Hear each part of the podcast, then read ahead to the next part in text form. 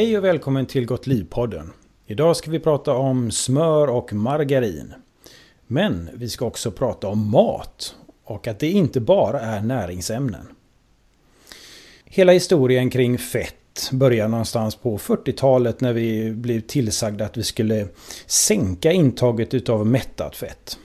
Och eh, ungefär 30 år senare så kom Robert Atkins ut och sa att vi skulle äta mer fett och mindre kolhydrater istället. Knappt 20 år senare så började det komma ny forskning som pekade på att det mättade fettet kanske inte bara var onyttigt. Och här blev då plötsligt diskussionen än mer komplicerad. Hur är det egentligen? Idag eh, har vi väldigt mycket diskussioner kring att fett bland annat är kemiskt och naturligt. Hur står det till egentligen Gunnar med detta? Ja, man hör ju ibland, framförallt på nätet då, att vi ska vara rädda för kemiskt fett och det är väl just margarin som utses som kemiskt fett och smör som naturligt. Men det hela är ju väldigt märkligt för att allt fett är kemiskt. Allt på vår planet är kemiskt. Smör är kemiskt, äpplen är kemiskt, bananer är kemiskt och så vidare. Eh, så att det finns ju ingen motsats till kemiskt. Allt är kemiskt. Och det här med naturligt och onaturligt det är ju väldigt svårt att definiera vad som är naturligt och inte naturligt och naturligt behöver ju inte vara bra. Vi kan ju ta till exempel flugsvamp som är väldigt naturligt men mycket giftigt. Hur eh, gör man egentligen margarin?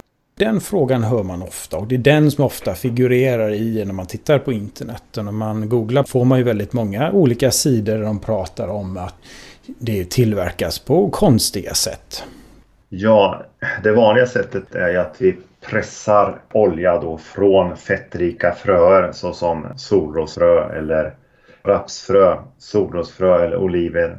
Och man kan då eh, kallpressa dem. Det gör man direkt kall temperatur och varmpressa och när man varmpressar så får man ut större mängd olja. Och det är principen för hur man får fram olja. Och den här oljan används ju allting i margarin och alla andra livsmedel. Så ofta när man kritiserar, när man hör kritik på margarin så är det ju just framställningen av olja.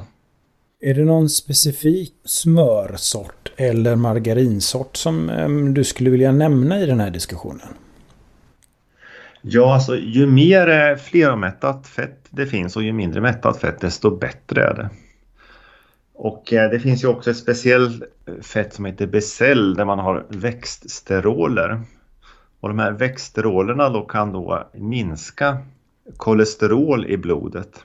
Och det är väldigt positivt. Så det kan man antingen tillsätta då i margarin men man kan ju också äta växtsteroler om man äter frukt och bär och grönsaker det du är inne på nu är just detta som är ett, vårt stora budskap i, i den här diskussionen. För när vi började eh, diskutera om vi skulle prata om smör och margarin så var det vårt första oro helt enkelt att vi börjar prata om enskilda näringsämnen. När vi i själva verket vet att vi måste se helheten som vi äter och hur maten är eh, uppbyggd.